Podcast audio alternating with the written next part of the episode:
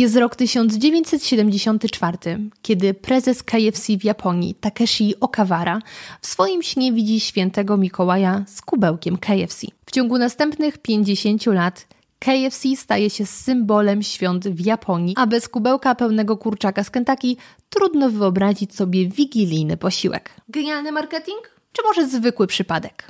O tym w dzisiejszym odcinku. Najciekawsze historie opowiada się przy stole. Nazywam się Małgosia Zmaczyńska i zabiorę Cię w niezwykłą podróż kulinarną. Zmacznego! Żeby odpowiedzieć na to pytanie, musimy przenieść się do Japonii lat 70. Japonii, która była zupełnie inna niż dzisiaj. I to w sumie zabawne, że to mówię, bo ani nie żyłam w latach 70., żeby się wymądrzeć na ich temat, ani też nie byłam nigdy w Japonii, żeby jakkolwiek porównywać, ale zakładamy i myślę, że tutaj nikt nie będzie oburzony taką tezą, że świat się przez te 50 lat dość mocno zmienił, a Japonia tym bardziej bardzo rozwinęła się technologicznie, więc myślę, że tutaj dużych nadużyć nie było. Lata 70. to był czas, kiedy Japończycy coraz bardziej pragnęli Zachodu, coraz bardziej się na niego otwierali i chcieli żyć takim zachodnim stylem życia, co myślę, że szczególnie dla nas, Polaków, nie jest dużym zaskoczeniem, bo przecież my, Polacy, doświadczyliśmy właściwie tego samego takiego pragnienia, a później zachłyśnięcia się Zachodem w latach 90. I też myślę, że doskonale wielu z Was kojarzy nagranie z otwarcia pierwszej restauracji McDonald's w 1992 roku w Warszawie na Świętokrzyskiej. Środki masowego przekazu potraktowały przywiezienie hamburgera do Polski na równi z przywiezieniem prochów Paderewskiego. Zaś Big Mac witany był według tego samego protokołu, co prezydent Bush. Pamiętamy, jakie budziło to emocje, więc nie dziwi, że podobnych pragnień, również kulinarnych, doświadczali Japończycy. Dlatego też postanowiono zagadać z Amerykanami i zapytać, czy może nie chcieliby otworzyć jakiejś e, restauracji z fast foodem w Japonii. I wiecie, tutaj może zagadać z kimś. W praktyce wyglądało to tak, że podmiotem zagadującym była firma Mitsubishi. I może to się wydawać dziwne, bo przecież my Mitsubishi kojarzymy przede wszystkim z samochodami i może jakimiś klimatyzacjami. Tymczasem w Japonii Mitsubishi jest absolutnym gigantem, firmą jeśli nie największą, to jedną z największych, która działa w bardzo wielu obszarach, w wielu gałęziach, między innymi w finansach, w bankowości, w chemikaliach, maszynach, ale też właśnie w jedzeniu.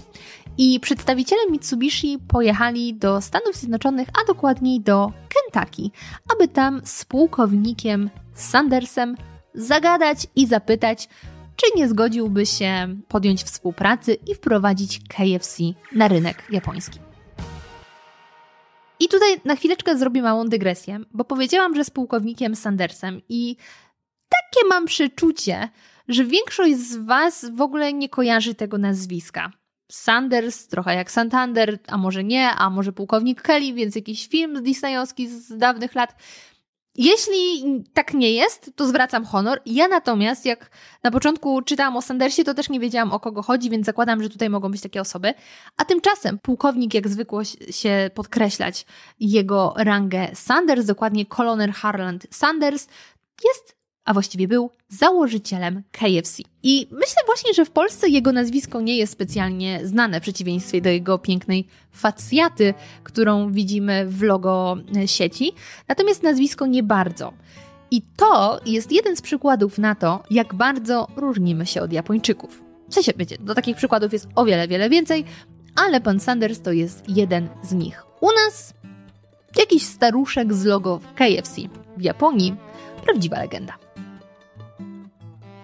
Legendą człowiek się jednak nie rodzi. No chyba, że się rodzi, ale przykładów y, takich jest znacznie mniej. Zazwyczaj dochodzi się do tego ciężką pracą i wymaga to czasu, a także szczęścia i być może odpowiednich ludzi na naszej drodze. I tak też było w tym przypadku, ponieważ pan Sanders to nie było tak, że z dnia na dzień stał się ikoną niejako w Japonii, tylko zajęło to kilka lat i pomogli mu w tym właściwi ludzie na właściwym miejscu. I takim człowiekiem był m.in. Loy Weston, czyli człowiek, któremu powierzono to niesamowicie trudne zadanie, tą misję niemożliwą, która stała się, jak widać, możliwą. Lekki spoiler, aby wprowadzić KFC na rynek mm, japoński, ponieważ no, pułkownik Sanders miał już wówczas niemal 80 lat, więc byłoby to dla niego dość, delikatnie mówiąc, wymagające wyzwanie. Pan Weston, wówczas 40-latek, pracował wcześniej przez 16 lat w IBM-ie i bardzo e, pozytywnie wpłynął na sprzedaż, a także Departament Rozwoju Produktu, bawiąc się taką trochę korpomową, która w moim świecie niewiele znaczy tak naprawdę.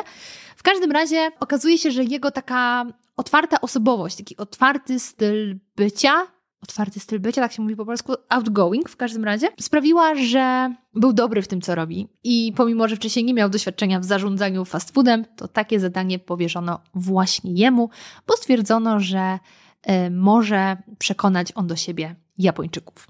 Jednak przedsięwzięcie takie jak wprowadzenie nowej firmy na nowy rynek, co więcej, rynek skrajnie różny kulturowo, kulinarnie, bo weźmy pod uwagę, że akcja dzieje się 50 lat temu. Świat jeszcze nie był globalną wioską. A do tego jest ogromna bariera językowa hardcore. Więc nie była to taka opcja, że okej, okay, jedziemy do Japonii, otwieramy restaurację, jakoś tu będzie mordeczki. Tylko to był bardzo długi i zaplanowany proces. A pierwszym punktem planu było wystawienie stoiska KFC na targach Expo Osaka World Expo dokładnie w 1970 roku. Stoisko to nie było jakieś szczególnie ogromne, ponieważ e, zajmowało powierzchnię mniej więcej 1 czwartej takiej normalnej restauracji e, KFC w Stanach, ale tyle miało wystarczyć, żeby nieco lepiej zorientować się, jak te produkty jak kurczaki z Kentucky odnajdą się wśród Japończyków, a właściwie jak Japończycy odnajdą się w takich smakach. No, wydawać by się mogło, że całkiem dobre posunięcie. Wejść na jakiś rynek niskim kosztem, bo to przecież łatwiej zrobić stoisko na targach niż mm, od razu stawiać restaurację. Co też myślę istotne, nie była to kwestia wystawienia się na tydzień, czy dwa tygodnie, czy nawet miesiąc, bo targi te trwały od połowy marca do września, także czasu też dość. No właściwie genialny pomysł. Właściwie tak. Aczkolwiek nie było aż tak dokładny, ponieważ te targi nawet w nazwie mają już słowo klucz, czyli word. A więc były to targi światowe, gdzie byli ludzie z bardzo różnych zakątków świata. Także nie do końca było to badanie upodobań Japończyków z sensu stricto. A dowodem na to może być taka anegdota, na którą trafiłam, że w kwietniu 1970 roku na promie SS, trochę niezręcznie, e, President Cleveland, wśród pasażerów przeprowadzono ankietę, które stoisko z jedzeniem przypadło im najbardziej do gustu, e, które jedzenie było dla nich najlepsze. I słuchajcie, aż 46% respondentów odpowiedziało, że KFC. No więc właściwie sukces, bo prawie połowa powiedziała, że mamy najlepsze żarcie. Tylko, jak się okazało, większość tych pasażerów to byli Amerykanie. Nie dziwi więc, że Amerykanie tak ochoczo wskazali restaurację, którą znają i lubią od lat. To oczywiście jest kwestia no, pewnych niedociągnięć, że to nie jest idealna grupa badawcza i tak dalej, natomiast te targi naprawdę nie poszły na marne i to był dobry pomysł, żeby się tam wystawić, bo ym, można było zaobserwować, jak już rdzenni, powiedzmy Japończycy, zapatrują się na propozycje z menu i trafiłam na taką anegdotkę właśnie o tym, że kiedy pani e, dostała swój posiłek, to bardzo długo mu się przyglądała i nie do końca wiedziała, jak się za to zabrać. Jeśli dobrze pamiętam, historia ta dotyczyła kanapki i ona nie wiedziała, czy powinna to zjeść w całości, czy rozłożyć na kawałki, więc skończyło się tak, że e, zawinęła te resztki, z którymi nie wiedziała, co zrobić, chusteczkę schowała do torby, postanowiła niczego nie marnować i spróbować drugiego podejścia w domu. To, co te targi na pewno wniosły, to pewne spostrzeżenia, które już na wstępie sprawiły, że KFC wystartowało z ofertą bardziej dopasowaną do Japończyków. I przykładem na to może być fakt, że zauważono, że Japończykom średnio przypadło do gustu pire ziemniaczane z sosem, podawane jako dodatek do e, kurczaków. I to w ogóle taka dygresja mała, bo ja nawet nie wiedziałam, że jest coś takiego, ale okazuje się, że w Stanach właśnie dodatek tych ziemniaków z sosem jest wielkim hitem w KFC. Japończykom natomiast nie przypadło to do gustu, także od razu w menu zaproponowano frytki zamiast tego pire. A drugą istotną zmianą było zmniejszenie ilości cukru w sałatkach. Co też w ogóle nie dziwi, bo jednak kuchnia amerykańska, jak wiemy, należy do jednych z najsłodszych, nawet jeśli Amerykanie nie słyną z najlepszego cukiernictwa. Problemem, który dość szybko pojawił się na drodze pana Westona, odpowiedzialnego za wprowadzanie KFC na rynek w Japonii, był fakt, że dalszy import kurczaków z Georgii w Stanach Zjednoczonych nie dość, że jest bardzo kosztowny, to do tego raczej wkrótce może być niemożliwy, ponieważ zaczęto się obawiać, że ta skóra kurczaka może być zanieczyszczona, że do tego zanieczyszczenia może dojść w trakcie transportu. Dlatego e, wkrótce trzeba było poszukać alternatywy. Na szczęście tutaj KFC mogło liczyć na pomoc Mitsubishi, który już wówczas działał w mm, przemyśle trupiarskim, raczej niedrobiowym, więc e, wkrótce pomogli im znaleźć dostawców lokalnych, co też pozytywnie wpłynęło na finanse, ponieważ zmniejszyło koszty produkcji. Wiemy już, że stoisko na Expo ogólnie okazało się sukcesem. Co prawda naszymi klientami nie byli wyłącznie Japończycy, na których opinii najbardziej nam zależało, natomiast zdążyliśmy się sporo o nich dowiedzieć i wprowadzić niezbędne zmiany do menu, które pomogą nam już z kopyta wystartować. No więc tutaj pojawiło się, słuchajcie, kolejne wyzwanie, czyli znalezienie odpowiedniej lokalizacji, ale nie będziemy się w to jakoś bardzo zagłębiać. Musicie po prostu wiedzieć, że pierwsza restauracja w Japonii została otwarta 21 listopada 1970 roku w Nagoi. Tutaj na scenę chciałabym zaprosić kolejnego bohatera tej historii, czyli pana Takeshi Okaware, który został menadżerem pierwszej restauracji w Japonii i uwaga, spoiler! Później zaszedł o wiele, o wiele wyżej, ponieważ stał się prezydentem KFC w Japonii, czyli myślę, że na nasze po prostu prezesem KFC w Japonii. I co ciekawe, on w ogóle zdecydował się rekrutować na stanowisko tego menadżera restauracji Dlatego, że historia pana Sandersa, pułkownika kolonela Sandersa, założyciela KFC, była dla niego super inspirująca i doszedł do wniosku, że chce trochę podążyć taką ścieżką, więc zdecydował się na tą pracę. No więc trochę historia jak z bajki Disneya, albo, albo może nie z Disneya, bo kurczaki w filmach Disneya raczej żyją. Nie idźmy tą drogą. W każdym razie to, co musicie wiedzieć, że to nie był do końca scenariusz jak z bajki, przynajmniej nie na początku, ponieważ ten początek, te pierwsze kroki były strasznie trudne i od razu pan Takeshi Okawara musiał mierzyć się no, z właściwie podobnymi e, problemami co pan Loy Weston, ponieważ grali do jednej bramki. I jednym e, z głównych problemów, myślę, że w bardzo wielu biznesach jest fakt, że były problemy z pieniędzmi. Bo oczywiście nie możemy odmówić KFC tego, że miało e, no, wielkie szczęście, że stało za nim Mitsubishi, czyli marka, która otwierała bardzo wiele drzwi na rynku japońskim. Można powiedzieć, że oni byli ludźmi, którzy inwestują w startup, tylko wtedy nikt nie znał pojęcia startup. Poza tym, no, tak nie do końca startup, bo już KFC istniało na innym rynku, ale mniej więcej czujemy klimat. Mitsubishi sadziło sporo hajsu w KFC, żeby e, rozwinęło się na rynku japońskim chociaż um, kapitał, którym dysponował oddział KFC w Japonii, miał zarówno hajs ze strony KFC ze Stanów, ale też właśnie połowę mieli z Mitsubishi. Więc pomimo tego wsparcia i kontaktów, jakie Mitsubishi mogło zaoferować e, panom Okawarze i e, Westonowi, aby łatwiej było im się rozwijać, to jednak pieniądze były problemem, bo okazuje się, że panowie nie za bardzo mieli budżet nawet na reklamę Co z jednej strony może się wydawać, no dobra, ale jeśli produkt jest dobry, to się obroni. Tym bardziej, że wtedy KFC było jedynym fast foodem jeszcze na rynku w Japonii, więc mieli tą przewagę, przewagę pierwszeństwa. Ale tutaj to tak nie do końca jest, bo to, że byli pierwsi, to z jednej strony super, ale z drugiej strony bardzo utrudniało, ponieważ Japończyków trzeba było w ogóle nauczyć tego, czym jest KFC. Wiele rzeczy w tym nie pomagało. Po pierwsze, napisy na restauracji, wiele napisów na opakowaniu na restauracji było dalej angielskich, a mówimy o e, świecie 50 lat temu, więc język angielski nie był jeszcze tak rozpowszechniony jak dzisiaj. Także tutaj ta bariera językowa to jest pierwsza rzecz. Druga kwestia to właśnie pan Okawara wspomina, że pamięta takie sytuacje, gdy klienci wchodzili do restauracji i oni po prostu pytali, co tutaj jest. Ponieważ taki charakterystyczny wystrój dla restauracji KFC, jak rozumiem, wówczas ze Stanów Zjednoczonych, ale przeniesiony do Japonii, to był czerwono-biały sufit. I ludzie widząc ten sufit tak pytali, ale czy tutaj jest fryzjer, czy jakiś sklep z cukierkami?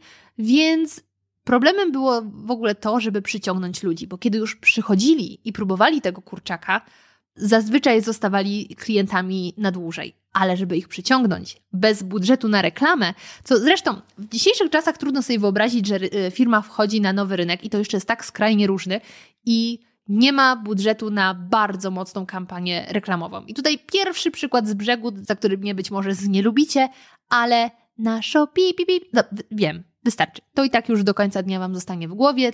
Trochę sama sobą gardzę, że to przywołałam, ale taka jest prawda. Shopee, pomimo że ostatecznie się wywróciło z rowerka na polskich drogach, na polskim rynku, to jednak weszło z bardzo mocną kampanią i nikt nie mógł przejść obok tego obojętnie. Przechodził wkurzony, ale nie przechodził obojętnie i wiedział o tym, że Shopee jest i że można tam coś kupić.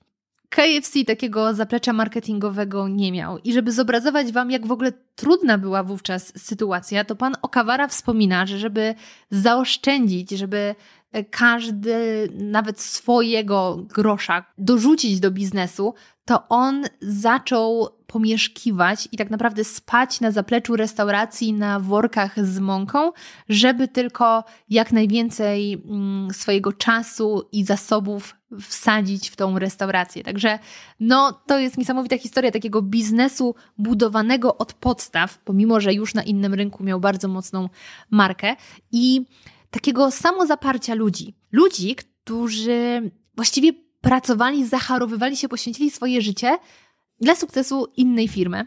I to też jest całkiem ciekawa historia, ponieważ na YouTubie możecie znaleźć materiał z 1981 roku, poświęcony właśnie temu, jak e, KFC z dużym sukcesem weszło na zagraniczny rynek, z perspektywy już czasu wiemy.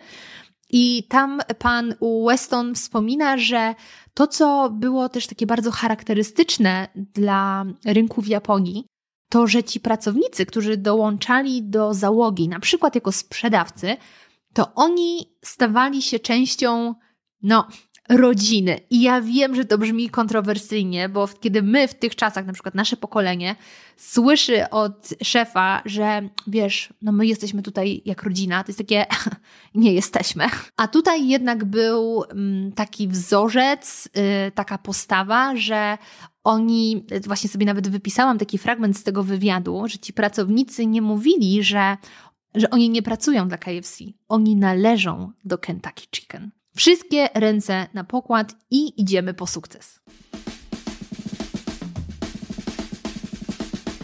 Kolejne lata to tak naprawdę jest walka. Jeszcze z sukcesem nie mają zbyt wiele wspólnego, ponieważ nie dość, że sieć musi mierzyć się z różnymi takimi prozaicznymi problemami, jak, hm, no nie wiem, problemy z pieniędzmi, to też na rynku powolutku pojawiają się kolejne sieci z fast foodami. Także konkurencja rośnie, ale wkrótce nadchodzi przełom i jest to w okolicach roku 1974. Bo mówi się, że potrzeba matką wynalazków, ale ja mam wrażenie, że o wiele częściej przypadek jest matką wynalazków, chociaż biorąc pod uwagę rodzajniki, to raczej ojcem. Bo wyobraźcie sobie, że pewnego dnia do restauracji, którą zarządza pan Okawara, zachodzi zakonnica. I to mógłby być początek jakiegoś żartu, ale o dziwo nie, jest to początek niesamowitej historii, ponieważ do knajpy wpada zakonnica i prosi pana Okawarę, aby ktoś z restauracji przebrał się w strój świętego Mikołaja i przybył na organizowaną w pobliskiej szkole, niektóre wersje mówią o przedszkolu, imprezę świąteczną. Imprezę świąteczną i oczywiście wpadnie z żarciem, więc żeby przyniósł e, smażone skrzydełka, smażone kurczaki. I słuchajcie, pan Okawara godzi się i nie tylko y, przyjmuje tą prośbę, to specjalne zadanie, ale też sam wciela się w tego Mikołaja i właśnie w stroju świętego Mikołaja wbija do pobliskiej szkoły z kubełkiem pełnym kurczaków i śpiewając wymyśloną na szybko piosenkę Kentucky Christmas. I tutaj historia ta mogłaby mieć koniec, ale pan Takeshi miał mm, smykałkę do interesów, bo dostrzegł w tej akcji, która w ogóle spotkała się z bardzo pozytywnym odzewem, zarówno wśród samych dzieci, jak i rodziców, którzy później też podpytywali, czy mógłby wpaść na kolejne imprezy, dostrzegł potencjał marketingowy, a dokładnie w tym takim sentymencie, bo mm, jak już wspomniałam wcześniej, Japończycy bardzo pragnęli zachodu. I pomimo, że w Japonii naprawdę niewielu jest chrześcijan, jest to od 1 do 2% mieszkańców, no znikome ilości, jak orzeszków ziemnych w różnych produktach, a jednak chcą celebrować święta Bożego Narodzenia, nawet jeśli sami nie wyznają, nie wierzą w tę historię, która za Bożym Narodzeniem stoi.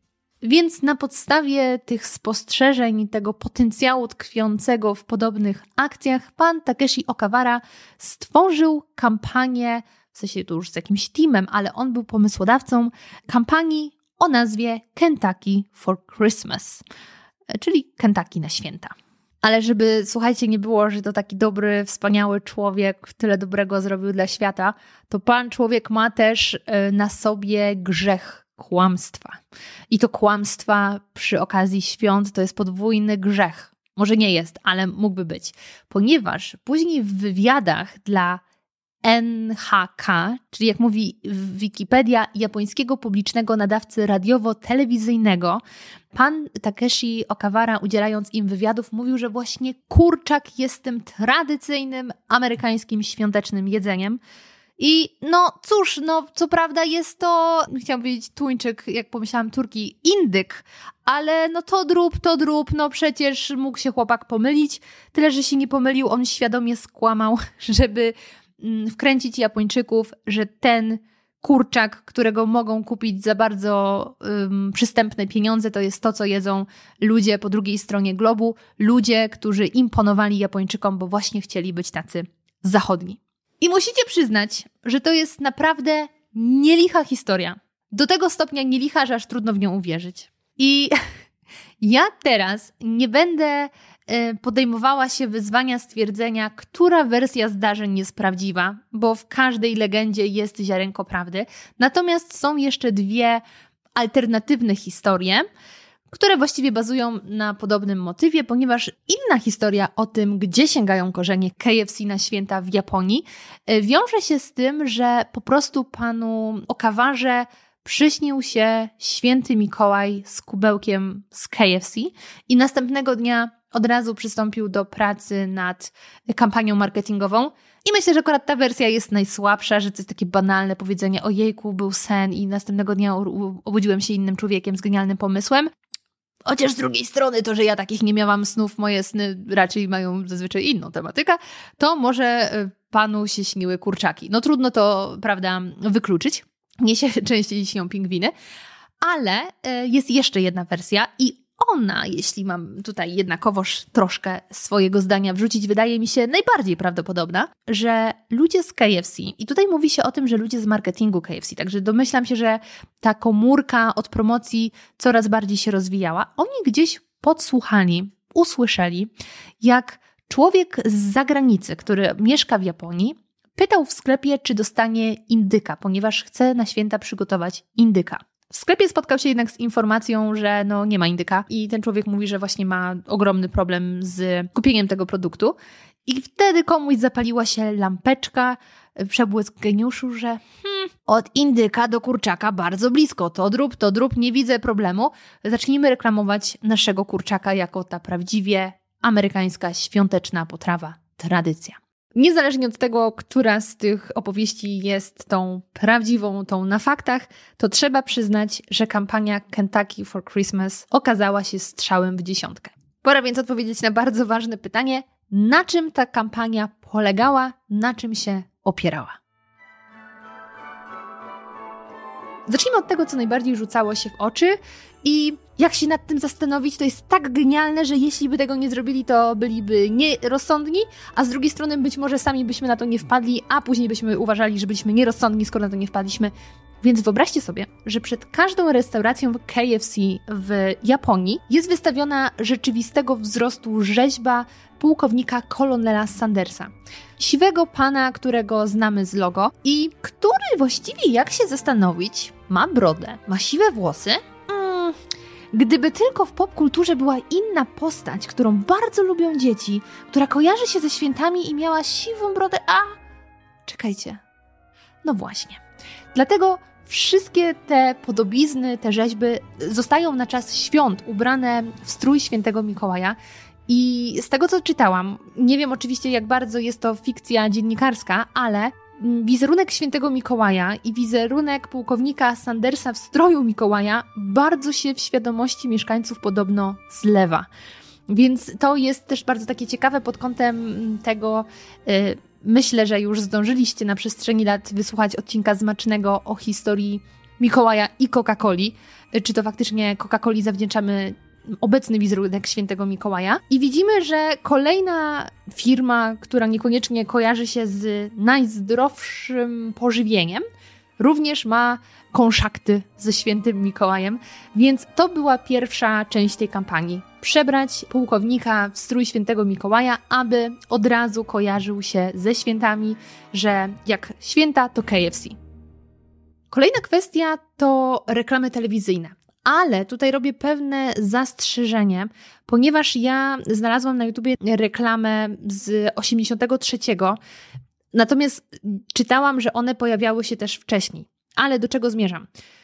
E, geniuszem tego, tych reklam było to, że mamy tutaj reklamę Kentucky e, Fried Chicken, ale w tle leci piosenka My Old Kentucky Home, Good Night i jak możemy dowiedzieć się z Wikipedii, jest to sentymentalna balada napisana przez Stevena Fostera i prawdopodobnie skomponowana w 1852 roku. Więc jak słyszymy, ma bardzo długą historię, ale podobno w Japonii ta piosenka urasta niejako do rangi kolendy, ponieważ właśnie tą piosenkę w swoich reklamach wykorzystywało KFC w Japonii, żeby jeszcze bardziej oddać tą tradycję, amerykańskość. Tak bardzo jest to zakorzenione już z KFC i często z reklamami z okresu świątecznego, więc ta piosenka jest niejako takim zwiastunem nadchodzących świąt.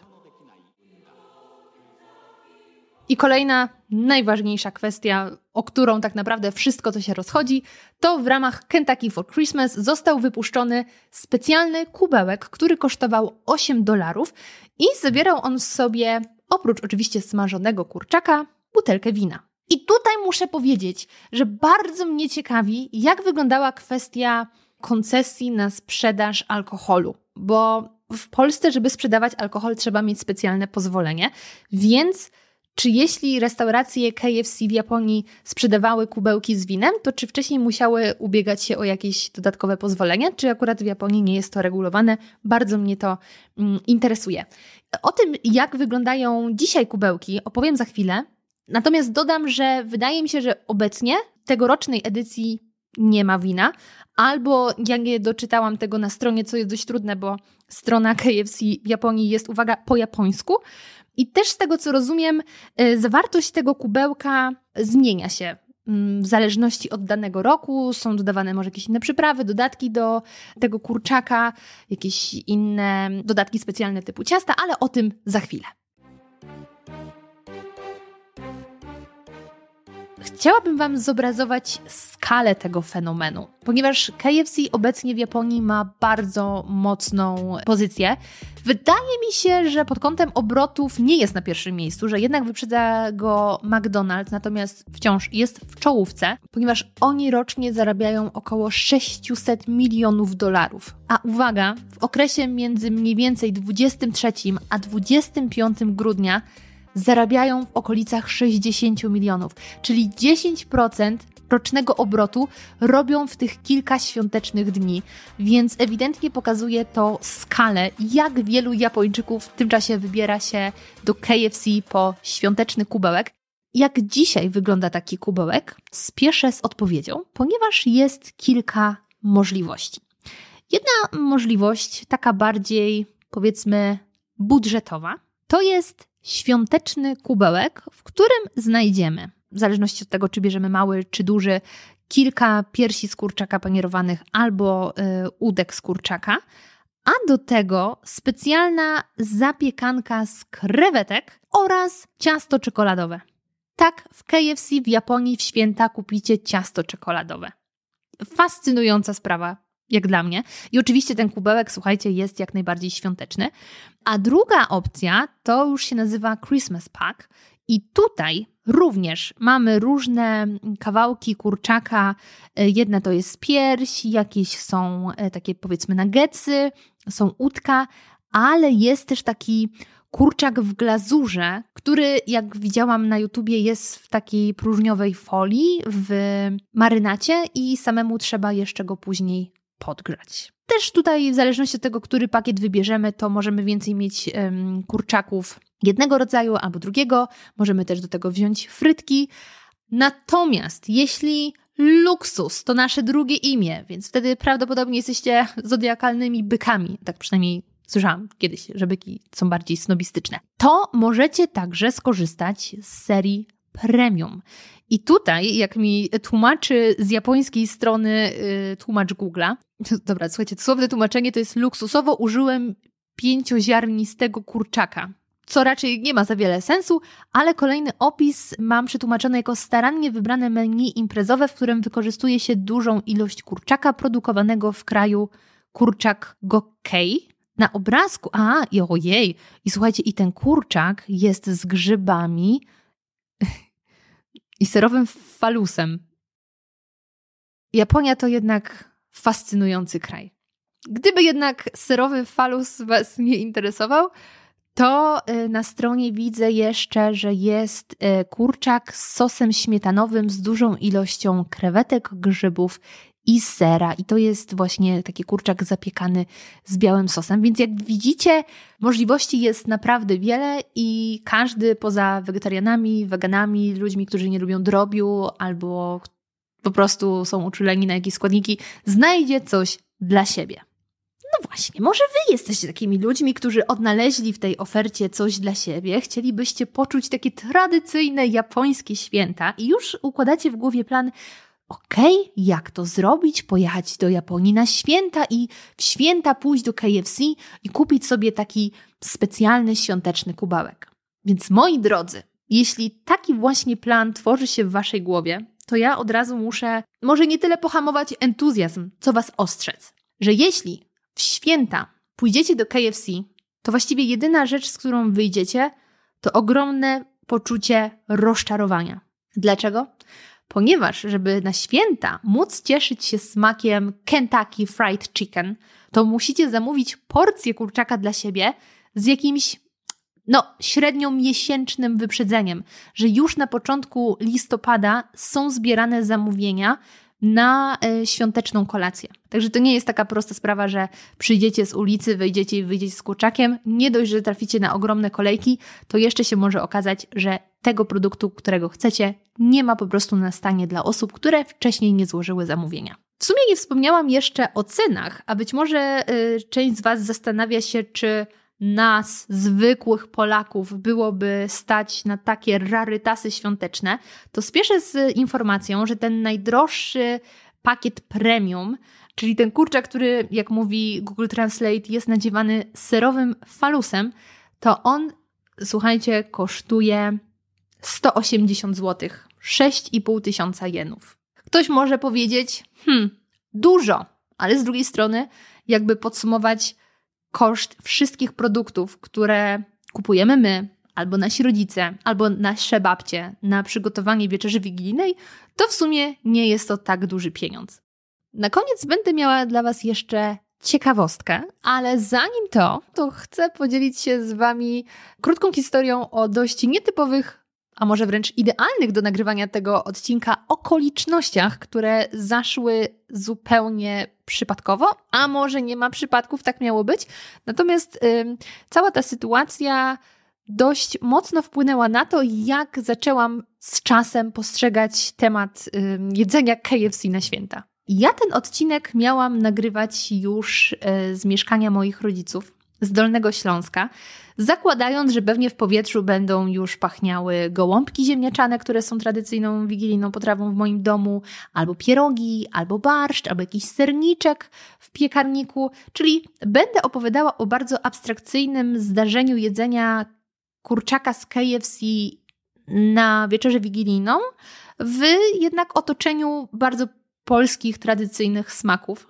Tymczasem okazało się, że dokładnie w momencie, kiedy miałam opuszczać Warszawę, rozpętała się ogromna zamieć, co stwarzało po prostu zagrożenie, żeby jechać, a jednak trasa do mojego domu to ponad 500 kilometrów, więc stwierdziłam, opóźniam wyjazd. Ponieważ pierwotny plan był taki, że wyjeżdżam dzisiaj, więc już wczoraj opróżniłam lodówkę z wszelkiego jedzenia, które mogłoby się zepsuć pod moją nieobecność.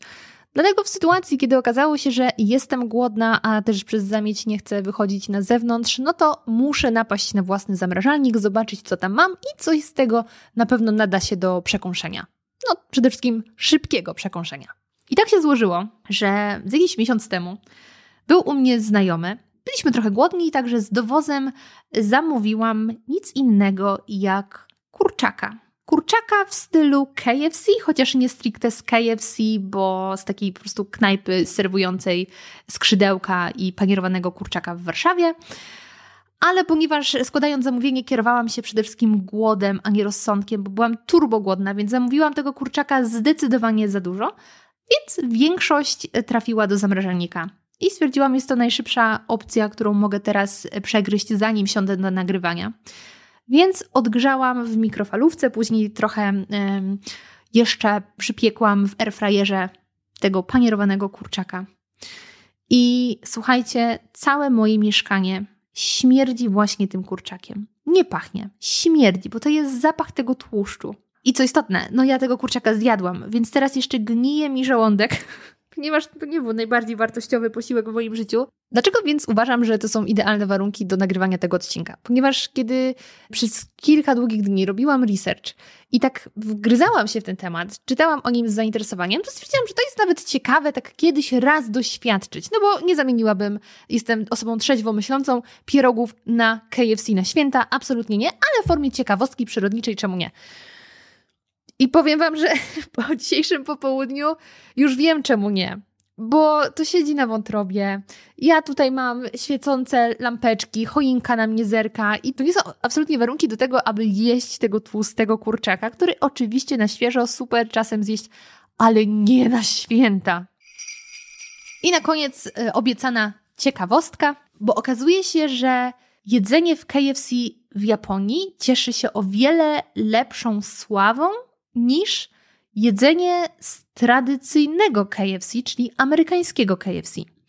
I podobne zdanie miał sam pułkownik Sanders, który to odwiedził Japonię trzy razy w ciągu swojego życia w latach 70., bo absolutnie zakochał się w tym kraju, bardzo dobrze się tam czuł i pewnie odwiedziłby ją jeszcze nie jeden raz, no ale niestety w 80 roku w wieku 90 lat odszedł. Ale właśnie, wyobraźcie sobie, że on powiedział z takim z, jedno, z jednej strony zadowoleniem, bo y, cieszył się, że ludzie w Japonii będą mogli tego skosztować, a z drugiej strony takim żalem, że z kolei ludzie w Stanach nie mogą skosztować tego, bo doszedł do wniosku, że to jest niesamowite, że on musiał przyjechać do Japonii, żeby zjeść prawdziwego amerykańskiego kurczaka, takiego Kentucky Fried Chicken, bo to, co jest obecnie serwowane w Stanach, znaczy już wówczas było serwowane w Stanach, nie miało takiej jakości, jak to, co serwowano w japońskich KFC.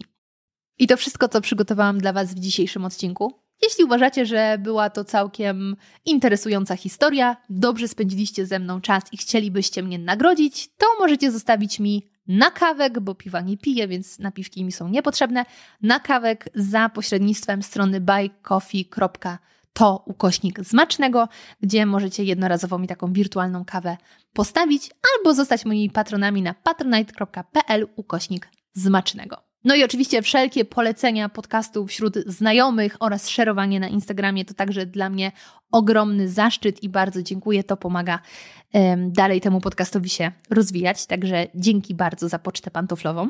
I moi drodzy, niezależnie od tego, gdzie spędzacie święta, czy w ogóle obchodzicie święta, bo może traktujecie to jako taką przyjemną zimową przerwę w codzienności, w pracy, w szkole, i też niezależnie od tego, co jecie na te święta, życzę Wam samych wspaniałości, dużo dobrego jedzenia, dużo czasu na odpoczynek i samych pozytywnych ludzi dookoła.